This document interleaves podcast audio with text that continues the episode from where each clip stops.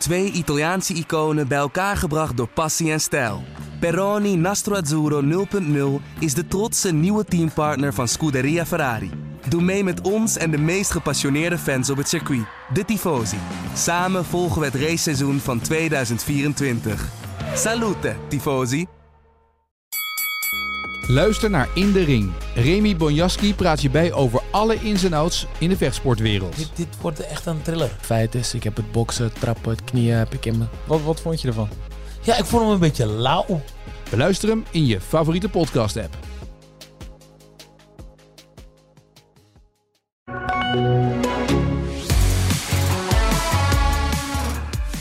En we zijn weer terug bij één Nederlander in de Formule 1. Nick de Vries werd na 10 races aan de kant gezet door Alfa Tauri. Ondertussen maakt Daniel Ricciardo zich gereed om weer te gaan racen in de langzaamste wagen van de grid. gaan we allemaal bespreken in deze pitstop, de wekelijkse Formule 1 podcast van AD Sportwereld. Daarnaast bespreken we de bandentest in Hongarije en nieuwe teams. Ik doe het met Marijn Abbehuis en mijn naam is eh, Etienne Verhoef. En Marijn, was je verrast over het nieuws van Nick de Vries? Nou ja, ehm, helaas niet. Maar aan de andere kant zou je het wel moeten zijn. Hè? We hebben het er vorige week uitgebreid over gehad. Ehm, de vraag is of het, of, of, ja, of het terecht is om, eh, om iemand zo snel af te rekenen. En ehm, wij, wij kwamen volgens mij tot de conclusie dat wij vinden van niet. Ehm, nee, ja. Dus ja, in dat geval, eh, vanuit dat perspectief is het verrassend dat hij eruit is gegooid. Aan de andere kant, ja, voelde je het aankomen. En had ik niet verwacht dat het nu al zou gebeuren. Ik had gedacht dat het dan waarschijnlijk in de zomer zou gebeuren. Als ze inderdaad zo hard zouden zijn. Maar ehm, ja, ze hebben doorgeschakeld. ja. Nou ja, ik moet wel zeggen, het past wel volledig in het straatje wat je leest. Een beetje hoe het gaat bij Red Bull natuurlijk. Maar we hadden vorige week hadden het over hoe ze omgaan met hem. Hè, na tien races, wat ze van hem verwachten en hoe irreëel dat is. Dat je dan ook nog eens een keer voor de zomer iemand eruit flikkert. Ja, dat, het getuigt nog helemaal niet van chicheid. Nee, helemaal niet van chicheid, van heel veel opportunisme. Daar hebben we het, uh, hebben we het vorige week ook over gehad. Ja, op het moment dat je op basis van, uh, van, van die race in Monza iemand in een auto zet en je, je, je handelt al zo snel als het uh, niet gaat zoals je had verwacht, zoals je had gehoopt, ja, dan moet je eigenlijk ook wel een beetje bij jezelf te raden gaan. Op basis waarvan heb je dan iemand een stoeltje gegeven? Ja. Um, dus uh, nee, het is niet chic. Het is uh, hard. Het is uh, naar. En um, ja, heel pijnlijk. En, en, en, jammer voor, voor Niek. Ja, want als we dat een beetje reconstrueren. wat ik wel mooi vond, wat ik ergens in een interview bij zag komen, is dat Nick de Vries niet iemand is die steeds gebeld wordt, maar die steeds zelf belt om zijn kansen te creëren. Toevallig, Lico Hulkenberg heeft pas ook een verhaal toen. Zei hij van, hoe heb je dan gebeld met Haas? Heb je belde Steiner of wie belde van Haas jou op om in een stoeltje te komen? Zei nee, ik belde hun. Is wel aardig. Als je dus hè, als je wat wilt bereiken, moet je dus zelf continu erachteraan gaan. Maar dat geldt dus helemaal voor dit soort gasten. Ja, ja, dat klopt. En dat is, weet je, ik heb het uh, een dag nadat hij eruit uit werd gezet, heb ik het erover gehad met, met Guido van der Garde en met Robert Doornbos. En volgens mij was het uh, Doornbos die zei, ja, um, ik denk niet dat zijn um, toekomst nu nog in de Formule 1 ligt. Maar hij kan natuurlijk wel er à la Hulkenberg voor kiezen om uh, zoveel mogelijk bij dit wereldje betrokken te blijven. En uh, dan zou het best wel eens kunnen dat hij ooit nog een keer een kans krijgt. Al is die kans niet zo groot dat dat nu nog gebeurt. Aangezien, ja, kijk, Hulkenberg heeft natuurlijk wel een andere staat van dienst. Ja. Dat is een, een herintreder met, ja, met, met een schat van ervaring. En, en, en ook wel goede resultaten. En een naam als een groot talent. Misschien wel het grootste talent dat nooit het podium heeft gehaald. Uh, ooit, weet je, dus dat, dat zijn allemaal dingen die niet aan Niek kleven, maar hij kan natuurlijk prima um, ervoor zorgen, als hij dat heel graag wil, dat hij blijven, kan blijven testen voor, uh, voor verschillende teams en dat hij bij het wereldje betrokken blijft. Maar ja, hij moet denk ik zelf uh, goed nadenken over of dat wel is wat hij wil. Maar is dat nou, ik voel me dat even af, jij volgt meerdere sporten, ook het wielrennen natuurlijk. Uh, en stel ik maar een vraag voor onze vaste luisteraars natuurlijk in de Tour de France, die natuurlijk ook gewoon luisteren. Maar uh, is het nou in het wielerwereldje ook zo dat als je een kans wilt hebben, dat je zelf de hele tijd belt naar ploegen om maar die kans te krijgen? Of is het echt, want in voetbal is het vaak scouten toch? Moet je geluk hebben? Ja, nou, ik, ik denk dat in dat soort sporten, kijk, in wielrennen is het natuurlijk ook, er zijn best wel veel plekken eigenlijk, ja. maar wel te weinig mm -hmm. uh, nog steeds. Ik, ik denk dat ik Um, ik schat in dat het in het wielrennen nog niet eens zo ongebruikelijk is om af en toe zelf um, bij een team te polsen om, om, om, om te vragen of ze een plekje voor je hebben of, um, of dat je daar terecht kan. Kijk, voor, voor de grotere ehm, voor de grotere namen is het natuurlijk gewoon een, een dingetje tussen, tussen de teams en hun management. Ja, tuurlijk. Maar dat geldt voor Ehm, Verstappen natuurlijk ook. En dat geldt voor Hamilton precies. ook. Maar er zit toch wel heel verhaal omheen natuurlijk ook. Ja. ja, ik zit even te denken. Ik zat laatst naar de avondetappe te kijken en daar zat ehm, eh, een van die jongens van Van den Berg. En die had het over de stress van, een, eh, van, van geen contract hebben aan het einde van het jaar. En ja, ik kan me voorstellen dat die jongens in die situatie echt wel eh, in ieder geval bij hun eigen collega's en mensen die ze goed kennen, eh, bevriende wielrenners van andere teams, dat ze wel lijntjes uitgooien van zou ik bij jullie terecht kunnen of zou ik bij jullie terecht kunnen op het moment dat je nog geen contract hebt voor het jaar daarna. Ik denk niet dat het heel ongebruikelijk is. Nee. nee, maar Nick de Vries moet dus al die teams afbellen steeds. Dat heeft hij steeds gedaan. Hè? Als hij wat wilde. hoi, ik ben Nick de Vries. Kan ik met ze komen praten? Ja, dat getuigt ook wel van een enorme wil om te willen slagen in het wereldje natuurlijk. Nou, absoluut, absoluut. Kijk, dat, dat, dat staat natuurlijk buiten kijf. En ja, als je, als je iets wilt en je, en je bent niet in de positie dat eh, ze jou eh platbellen omdat iedereen je wil hebben, ja, dan is, het, dan is dit de manier, denk ik. Ja, En ehm, ja, en je moet iets, iets hebben om mee te kunnen onderhandelen. En ja, dat heeft hij in principe natuurlijk wel. Hij heeft, hij heeft wereldtitels op zak. Hij heeft nu eh, eh, 11 eh, Formule 1 eh, eh, Grand Prix gereden. Ehm, hij heeft eh, in, in bijna alle Formule 1 auto's wel gereden. Dus ehm, ja, wat dat er gaat, is het, eh, is het voor hem denk ik nu ehm, een kwestie van even op adem komen. Even niet racen. Even nadenken wie die dan het liefste wil gaan bellen nu. ja. Ja, inderdaad. Telefoonlijstje erbij pakken en kijken wat wil ik dan gaan doen. Met, wat zou ik willen gaan doen? Want is dat nou... Ik kan me ook voorstellen dat de mentale tik is dat je denkt... ik ga even niks meer doen nu dit jaar. Nou ja, maar dit jaar, daar zal het wel op, op neerkomen. Bijna alle, ehm, bijna alle klassen en, eh, en alle verschillende disciplines... die zijn al wel al vertrokken voor dit jaar. Dus ja, dan moet iemand ergens wegvallen... en dan zou die moeten worden gebeld... of weet moet hij zelf bellen om, om, om, om ergens een stoeltje over te nemen. Maar dat is alleen als hij heel gretig is om heel snel weer... ehm, aan de slag te gaan. En dat is dan niet onder de voorwaarden waarin je dat wil. Dus ik, ik denk dat het erop neerkomt dat hij de rest van het jaar niet meer race. Nee. En hoe hard is dat voor een, coureur? Als je dit zeg maar meemaakt, je, je hebt je droom waargemaakt, je reed in een Formule 1 wagen en tien races later is het voorbij? Keihard, natuurlijk. Ja. Ja, dat is een, een mokerslag. Ja, en dan moet je ook maar weer overheen komen natuurlijk. Ja, weet je, er gaat op een gegeven moment een periode komen voor hem dat hij eh, trots kan zeggen dat hij 11 eh, Formule 1 Grand Prix heeft gereden in zijn leven. Dat hij twee punten heeft gepakt. En dan gaat hij vooral het verhaal vertellen o- over Monza Ja. en, en, en hoe, hoe, hoe, gaaf dat daar was, zeg maar. En dan vertelt hij daarna hoe het er eh, in de Red Bull eh, school aan toe ging. En ehm, ja, dat het maar een harde wereld is, zeg maar. Ehm, maar dat zal nog wel even duren voordat hij, eh, ja, voordat hij op, op, op, ja, op dat punt is. Dat, dat hij er op een ja, in ieder geval mooie manier op terug kan kijken. Dat hij er met trots op terug kan kijken. Dat, ja, dat heeft wel even tijd nodig. En iedereen zal daar op een andere manier mee omgaan. Guido van der Garde die vertelde mij dat hij gigantisch in de lamp is gaan hangen een tijdje. Die zei, als ik Niek een beetje inschat, dan is hij niet eh, de persoon die dat doet. En eh, mijn manier is ook niet de goede manier geweest. Maar goed, dat was het. Eh, Robert Doorbos die zegt, ja, ehm, het kwam keihard aan dat ik mijn plekje alweer moest, eh, moest afstaan. En, ehm, maar inmiddels ehm, kijk ik ook met heel veel voldoening terug op de successen in de autosport die ik daarna nog heb geboekt. En ja, ben ik gezegend dat ik 12 Grand Prix heb, heb kunnen rijden op het hoogste niveau. Dus ja, het is een kwestie van op zijn manier de knop omzetten. Deze, deze, ja, deze pijn maar even accepteren. En, eh, en rustig laten, laten wegzakken. En dan kijken wat voor hem het beste is. Ja, ik realiseerde me vorige week in de podcast. Ik was uitgesproken over zijn manier, de manier waarop Red Bull met hem omging. Hè, en hoe AlphaTauri dat deed.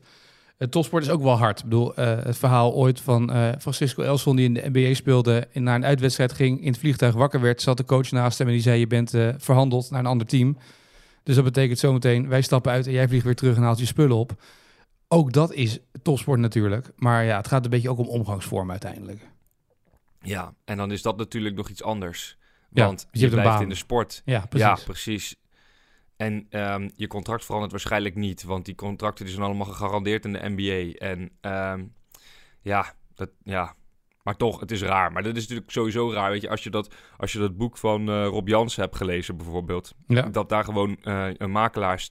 Ja, die zitten ergens in een, in een stad in Europa. Zitten, zitten, zitten drie makelaars met elkaar aan tafel.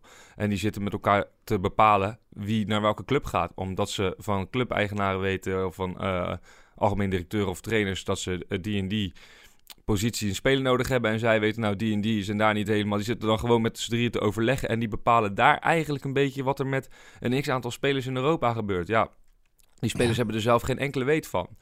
Ehm, dus ja, het is inherent aan, aan topsport. ehm, maar het gaat ook wel om kansen. En dan zit ik me nu af te vragen, wat gebeurt er met, eh, met, met de linksback van Real Madrid als die eh tien wedstrijden niet goed heeft gespeeld? Dan komt hij op de bank.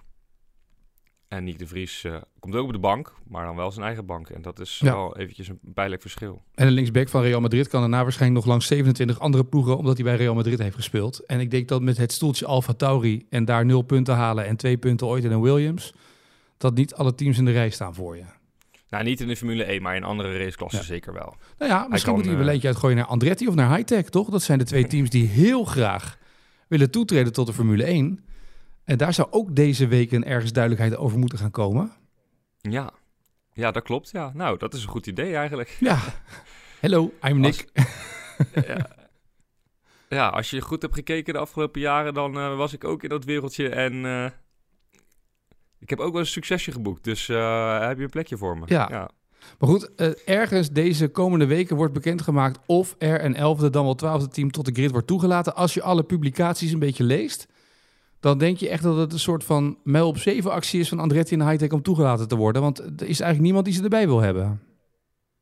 Nee. ehm, ik las dat Toto Wolff daarover heeft gezegd dat, ze, dat ze zich moeten kwalificeren. Ehm, Dat dat een, een een goed idee lijkt. Dat ze op verschillende vlakken een kwalificatie moeten, moeten doorstaan voordat het serieus genomen kan worden.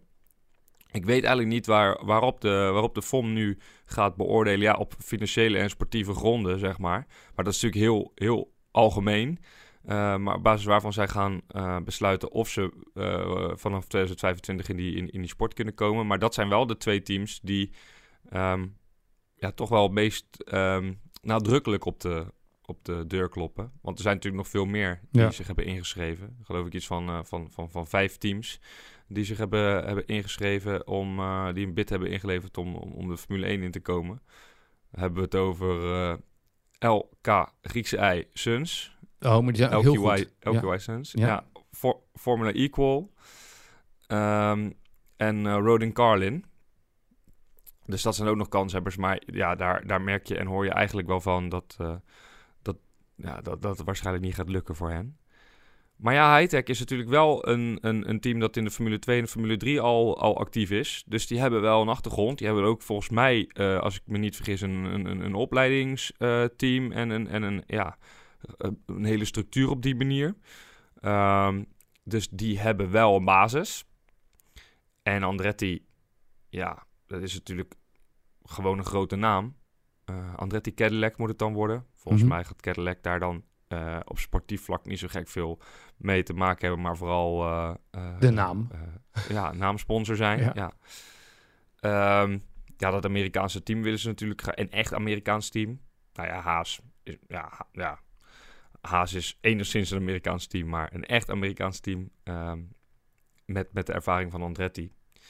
Ja, zijn kanshebbers, maar de vraag is of het, of het gaat lukken. Ik ben, ik ben daar heel benieuwd naar. En ook, stel nou dat eh, bekend wordt gemaakt dat een van die twee teams erbij komen, wat dan de uitleg is waarom dat een goed idee is. En eh, ook de uitleg naar de teams toe, hè? want die teams zijn volgens mij allemaal heel erg sceptisch over, over extra, extra teams op de grid. Ja, Dominicali heeft ook gezegd, het gaat niet om het geld. Eh, het is een heel proces. En nou goed, daar, daar gaat het uiteindelijk om. Maar het is niet altijd het geld is het belangrijkste. Maar het lijkt een beetje op dat die teams zichzelf heel erg willen beschermen natuurlijk. Dat ze zelf niet te veel geld kwijtraken. Maar je zou natuurlijk naar zo'n... Ja, ze moeten ook sowieso betalen om mee te doen. Maar je zou bijna naar zo'n Amerikaans systeem gaan zoals bij de MLS. Dat, de- dat de fee gewoon heel hoog wordt. En dat alle teams zeggen, prima, kom er maar bij. Maar dan heb je ook gewoon geld dat er weer binnenkomt natuurlijk. Ja, nou dat zou ook kunnen. Ja, Dat zou ook kunnen. Het sowieso is het. Ik, ik hou er altijd wel van als een sport een open systeem heeft. Hè? Of, of met promotie-degradatie. Of met dat er in ieder geval iets mogelijk is. Dat er eh, dat op het moment dat altijd alles hetzelfde blijft Ja. en, en, en de drempel om, om, om toe te treden voor een nieuw team eh, zo extreem hoog is dat het eigenlijk onmogelijk is, ja, dan, dan wordt het natuurlijk ook al snel stoffig. En ehm, er worden heel veel dingen worden dan misschien door bepaalde teams ook wel voor lief genomen. En eh, dat kan natuurlijk ook eh, ehm, effect hebben op de kwaliteit. Ja, het, het zou niet zo gek zijn als je een hele heldere richtlijn hebt. Voor 400 miljoen kan je nu binnenstappen. Dan heb je in ieder geval kan je meedoen in het kampioenschap. Dan moet je voor vijf jaar deze garanties overleggen en door, toch? Dat is toch heel logisch? Ja, Ja. ja. helemaal niet gek. Nee. Het zal alleen wel te maken hebben ook wel weer met of pitstraat het aan kunnen natuurlijk. Hè? En op die, al die circuits, of er genoeg boxen zijn en dat soort dingen allemaal. Ja, ja want ehm, op Silverstone was natuurlijk die extra box van, eh, van Apex GP stond, stond daar. Ja, Ehm, en er stond een gigantische box met allemaal filmmateriaal. En ehm, ehm, Robert van Overdijk was er ook, de directeur van Zandvoort. En ik stond op een gegeven moment in de paddock even met hem te praten. Ja, en toen kwamen we eigenlijk tot de conclusie dat, eh, dat ehm, de paddock van, van Zandvoort al niet groot genoeg is. nee, die hebben een probleem. Om, om dat, ja, om dat, maar om dat met Apex GP erbij te doen. Ja, Ehm, dus ja, zij hebben natuurlijk nu al die vergunningen aangevraagd. Ze hebben laatst weer een, ehm, een rechtszaak gewonnen, waardoor ze zouden kunnen gaan uitbreiden. En dat het dan wel mogelijk is, dat zal in principe ook wel moeten. Want ja, iedereen houdt, moet er rekening mee houden dat het, dat het naar 11 of 12 teams gaat in de Formule 1. Ehm, dus op de langere termijn kan dat waarschijnlijk ook wel. Maar op dit moment eh, is er al niet eens ruimte om, om, om, om te filmen op het circuit daarvoor eh, voor, die, voor die gasten van eh, ja, voor Brad Pitt en consorten, zeg Ja. maar. ja want Zandvoort heeft de, is de pitstraat eigenlijk te kort hè, om de veiligheid te garanderen. Dus daar kan mogelijkerwijs nog één team zou erbij kunnen. Maar, maar ze hebben natuurlijk enorme plannen om die pedalclub daar permanent neer te zetten. waar nu een soort van tentendorp staat.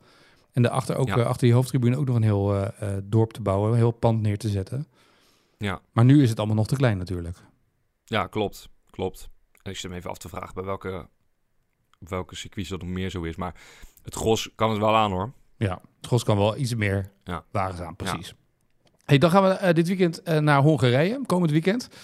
En eh, daar krijgen we eigenlijk de test die we zouden krijgen in Italië. Maar die ging toen niet door, omdat het toen zo hard regende en die hele, de hele race niet doorging. Maar we gaan testen met verplichte banden in de kwalificaties. Ja. Ehm, Q1 op eh, harde banden. Q2 op mediumbanden. Q3 op zachte banden. Hetzelfde eigenlijk als in de eh, sprint eh, shootout. Ehm, in die, als, we, als we een sprintweekend hebben. En het idee is om dat standaard toe te voegen aan, ehm, aan de Formule 1. Eh, zullen de coureurs niet zo heel blij mee zijn. Eh, Verstappen heeft al wel eens gezegd van ja, het is ook wel mooi dat je gewoon de juiste keuze kunt maken. En dat is onderdeel van het spel. Een van de argumenten om dat te doen is eh, duurzaamheid. Want ehm, op deze manier krijgen alle teams ook gewoon twee setjes banden minder per weekend. Dus wordt er gewoon minder materiaal verbruikt. Ehm, dus dat is, dat is een van de argumenten om het te doen. Dus je krijgt normaal 13 banden en nu 11. Dat zou Ja. dus 40 setjes banden eh, besparen. En eh, dus oftewel 160 banden.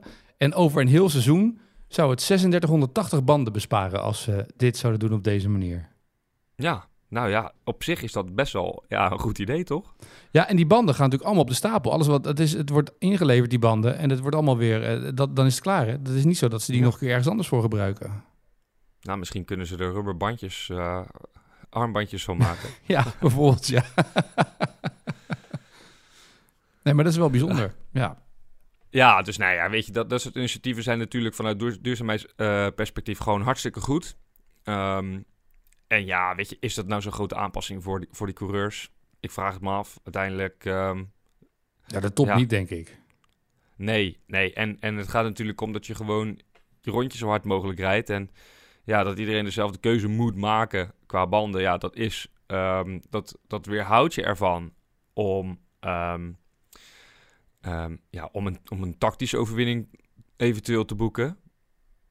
Maar ja, hoe vaak gebeurt dat?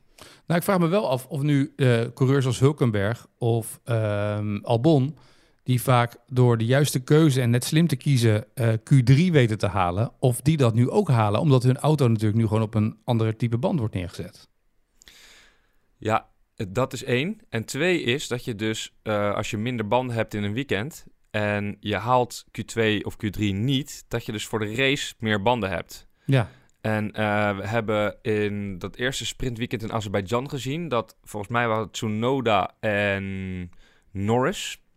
Ehm, die hebben toen expres eh, Q3 van de sprint shootout niet gereden, zodat ze die banden konden gebruiken in de normale kwalificatie extra, waar de rest eigenlijk moest sparen, omdat ze anders niet genoeg banden hadden voor die shootout. Waardoor ze een voordeel hadden in de kwalificatie ten opzichte van. Dus zeg maar, op die manier is het ook nog wel. Het is bijna een voordeel als je minder banden hebt ter Ja. beschikking om Q3 niet te halen. Want dan hou je een, een, een, een setje verse rode banden, hou je dan over. Ja, of Q3 gewoon niet rijden. Dan weet je dat je een tiende start. Maar ja, dan... Ja. hè? ja precies. Ja. Ja, dat dus wordt... dat ga je misschien wel krijgen ook. Ja. Ja, dus je gaat misschien niet die grote verrassingen krijgen van jongens die gelijk in Q3 zo verrassen dat ze naar Q2 gaan of zelfs naar Q1. Maar je gaat meer een tactisch spel krijgen. Wie bewaart zijn banden? Of, nou ja, goed, Verstappen zal gewoon gaan op die zachte banden en die wil pole position halen. Precies, dit is iets voor de achterhoede. Ja, Maar het kan daar wel eh, iets interessants opleveren af en toe. nou ja, zeker gezien het feit dat die strijd om dat tweede team een beetje losgebarsten is. Zelfs daarin kan je nog overwegingen maken, toch? ja, misschien wel. Als je dan toch nog een setje nieuwe rode banden over hebt voor het slot, als je dat nodig hebt in Hongarije. Ja. Ja. Ja, en het zit allemaal zo dicht bij elkaar dat, eh, dat het ook niet zo heel erg is om, om 10 en 9 te staan. Nee, Voor, eh, als voor Mercedes of voor Aston Martin, nee. denk ik. Dus dat vraagt wel weer andere dingen. Eh, het is een test natuurlijk. Hè? Dus ze zouden gaan het twee keer testen en dan gaan ze kijken of ze het eventueel gaan implementeren volgend jaar. Hè? Dat is een beetje het concept van dit jaar. Ja. Ja, wel goed dat ze dat En tijdens in feite testen ze het natuurlijk vaker, hè, want ze testen het ook eens in die shootout. Ja. Dus eh, het is eigenlijk, is het, voor, voor mijn gevoel is het geen testen. Voor mijn gevoel is het eh, inmasseren. Er gaat dit volgend jaar gewoon van komen. Eh, dat heb je heel vaak als je op een gegeven moment aan het begin van het seizoen was het gerucht dat hiermee gewerkt zou gaan worden. En dan wordt het eigenlijk door die coureurs wordt het dan een beetje afgeschoten van ja, dat moeten we niet gaan doen. En uiteindelijk gaan we het toch doen. Gaan we het eerst testen. En op die manier gaat het altijd. Ja. Eh, de, als, als dat gerucht er is en er wordt op gereageerd en het wordt daarna getest, dan weet je eigenlijk al dat er aan de voorkant is besloten dat dit gaat gebeuren. En dat het gewoon eh, geleidelijk wordt eh, geïnjecteerd. Ja, precies. Een mits, de enige mits is het droog weer is. Want als het ook maar spatje regen is met die kwalificaties, dan heeft iedereen vrije keuze. Ja, lo- logisch Ja. Precies. Veiligheid voorop. Over banden gesproken, eh, Silverstone, zou, op Silverstone zouden deze week tests zijn gedaan met nieuwe regenbanden. eh, waarmee er minder spray zou moeten opkomen. Even op het rechte stuk, even nat maken. En dan kijken bij de McLaren of bij de Mercedes of er dan minder spray omhoog komt, zodat ze dat veiliger hebben de komende jaren. Nou, ook weer een, goed, ook weer een goed, goede ontwikkeling. Ja, want ze zijn toch een beetje bang dat die races, zoals in België, dat, we dat, dat dat te vaak gaat gebeuren. Hè? Dat het niet doorgaat, zo'n race. Ja, ja, en daarbij, weet je, eh, die coureurs hoor je altijd eh, praten van op het, moment dat s- op het moment dat er spray is, zie je gewoon echt letterlijk helemaal niks. Eh, hebben we het natuurlijk ja, met, met meerdere coureurs over gehad, omdat, eh, ja, omdat er jongsleden weer her en der wat coureurs overleden zijn in, in, in races. Ehm, en of dat dan lag aan, aan het circuit in Spa, of dat het gewoon lag aan de omstandigheden. En ja, eigenlijk zeggen veel coureurs wel, ja, je, je ziet gewoon eigenlijk niks als je in, in regenachtige situaties race. Dus het zicht is zo slecht dat, ehm, ja, dat het altijd wel kan gebeuren. En ehm, goed dat ze dan daar ook weer iets voor denken te kunnen vinden. Want ja, de autosportwereld is natuurlijk wel heel goed in het vinden van oplossingen om de sport veiliger te maken. En ehm, ja, als het op dit vlak ook weer kan, dan is dat weer een mooie stap in de goede richting hoor. Ja, en als ze dat uitvinden en vervolgens hebben wij er op de, op de snelweg ook weer minder problemen mee, omdat het water minder... Dan hebben we allemaal voor, voordeel erbij natuurlijk, hè? Ja, Ja. ja. en de Formule 1 heeft zich vaker bewezen als, eh, ja, als, een, als een goed voorbeeld en een eh, goed testplatform voor de rest van, eh, ja, voor de rest van de wereld en de autogebruiker. Ja. En we hadden het in het begin over eh, Nick de Vries. Daniel Ricciardo komt terug in Hongarije op de grid, hè? Wat moeten we daar nou van verwachten? Ja, Nee, die moet hetzelfde. De ervaren coureur, dus die moet voor Tsunoda eindigen natuurlijk, hè? Want anders heeft hij gefaald, toch? ja, ja precies. Ja. Zo, zo, zo zou het in principe wel moeten zijn. Ja, als hij nu eh, ja, ook geen punt pakt in de komende 10 races en, eh en 9 van de 10 keer achter Tsunoda finisht, ja, dan, dan zou je zeggen, dan moet hij er ook uitgeknikkerd worden. Maar ja, het gevoel wat ik er wel een beetje bij heb, is dat hij daar nu wordt neergezet. Ook om druk uit te oefenen op, op Perez. Hè? Want we hebben eerder dit jaar zijn die speculaties er geweest over of de Vries eh, in het stoeltje zou blijven zitten, ja of nee. Toen heeft Helmut Marko heel duidelijk aangegeven: als die wordt vervangen, wordt hij niet vervangen door Ricciardo. maar door eh, een van onze meer talentvolle jongens. Ehm, een, een, een, een Japanner of een Nieuw-Zeelander zou het dan worden. Ja. En ehm, nu zit Ricciardo er toch. En ik kan het toch eigenlijk niet loszien van het feit dat, eh, ja, dat Perez momenteel in een hele zwakke fase zit. En ehm, ja, dat zo'n jongen uit de talentpool van, eh, van Red Bull geen bedreiging voor eh Perez vormt. En Ricciardo, die bij het team meerdere Grand Prix gewonnen heeft, eh, dat eh, meer is. Ehm, Dus ook tactisch En- eigenlijk. Een tactische keuze, denk jij? dat denk ik, ja. Ik denk dat dit een tactische keuze is. En dat Ricciardo nu de kans krijgt om te laten zien dat hij iets extra's kan. En dat zou dan weer zomaar ten koste kunnen gaan van Perez. Want die moet natuurlijk ook snel gaan leveren. Ja, precies. Eigenlijk is dit de manier om de druk op te voeren binnen beide teams. En te kijken wat er gaat gebeuren. Tsunoda misschien ook uit de vormcrisis halen. Kijken wat dat Ja. oplevert. En dan wordt Ricciardo daar de man. eh. Maar ik ben wel toch benieuwd. Je hebt een half jaar lang in die simulatoren gezeten. Af en toe in zo'n wagen gezeten. En wat het dan ineens wat het dan gaat opleveren. Ja, ja, ik ook. Want bij McLaren kwam hij niet vooruit. Dus eh, ja. En hij rijdt nu ook niet in een goede auto hoor. Nee. Hij gaat in een hele matige auto rijden. Oh, een hele slechte auto, toch? Dat is wel duidelijk. Ja. matig Ja. is toch heel, heel voorzichtig uitgedrukt. nee, dat klopt ja. ja. Dus nee, ik ben, ik ben er ook heel benieuwd naar. En ik ben ook heel benieuwd naar wat zij dan van hem verwachten en wat ze dan van hem gaan vragen. Ehm, maar ja, eh, Verstappen is heel positief over de manier waarop hij zijn, eh, zijn taken als testcoureur tot nu toe heeft uit, eh, uitgevoerd. En de vragen die hij stelt en hoe hij terugkoppelt. En bedoel, wat dat gaat, zitten ze natuurlijk helemaal op één lijn. En Ricciardo weet precies wat, eh, wat, wat, wat, ja, wat die coureurs willen van een auto, et cetera.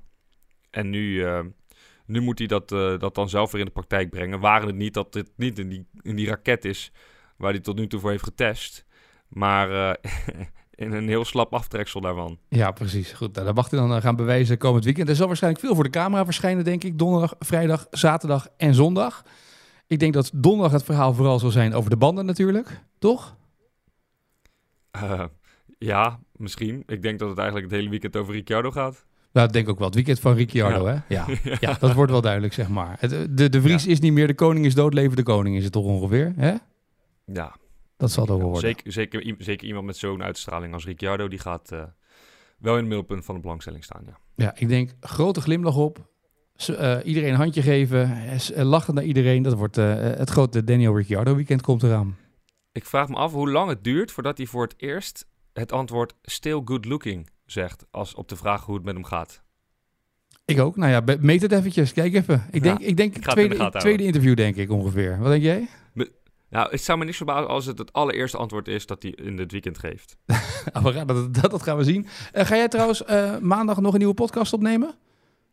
Jazeker. Ja, eventjes Ja. voor de mensen die eh, Formule 1 luisteren. Jij maakt ook een eh wielren-podcast. Dylan van Baarle en Wout Poels eh, in de Tour de France. En het is morgen rustdag, maandag. Dus maak even gratis promotie nu, hè. Dat, hup.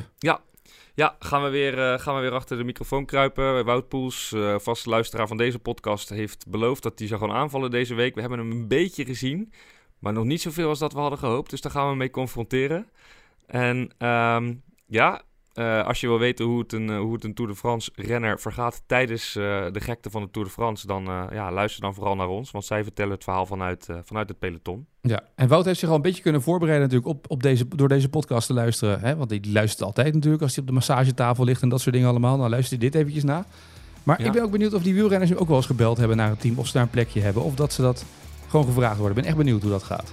Nou, ik ga, het, ze- ik ga ze de vraag stellen. Morgen ook online, toch die podcast? Ja. Mooi. Eh, luister hem ook via ad.nl of via Spotify of Apple Podcast. In koers heet hij, hè? Yes. Goed. Marijn, dank voor vandaag. Eh, ik spreek je volgende week vanuit Hongarije.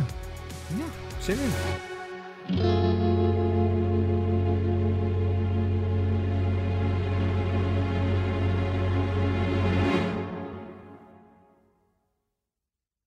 Twee Italiaanse iconen bij elkaar gebracht door passie en stijl. Peroni Nastro Azzurro 0.0 is de trotse nieuwe teampartner van Scuderia Ferrari.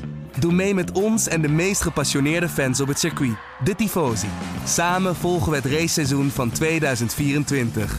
Salute, Tifosi!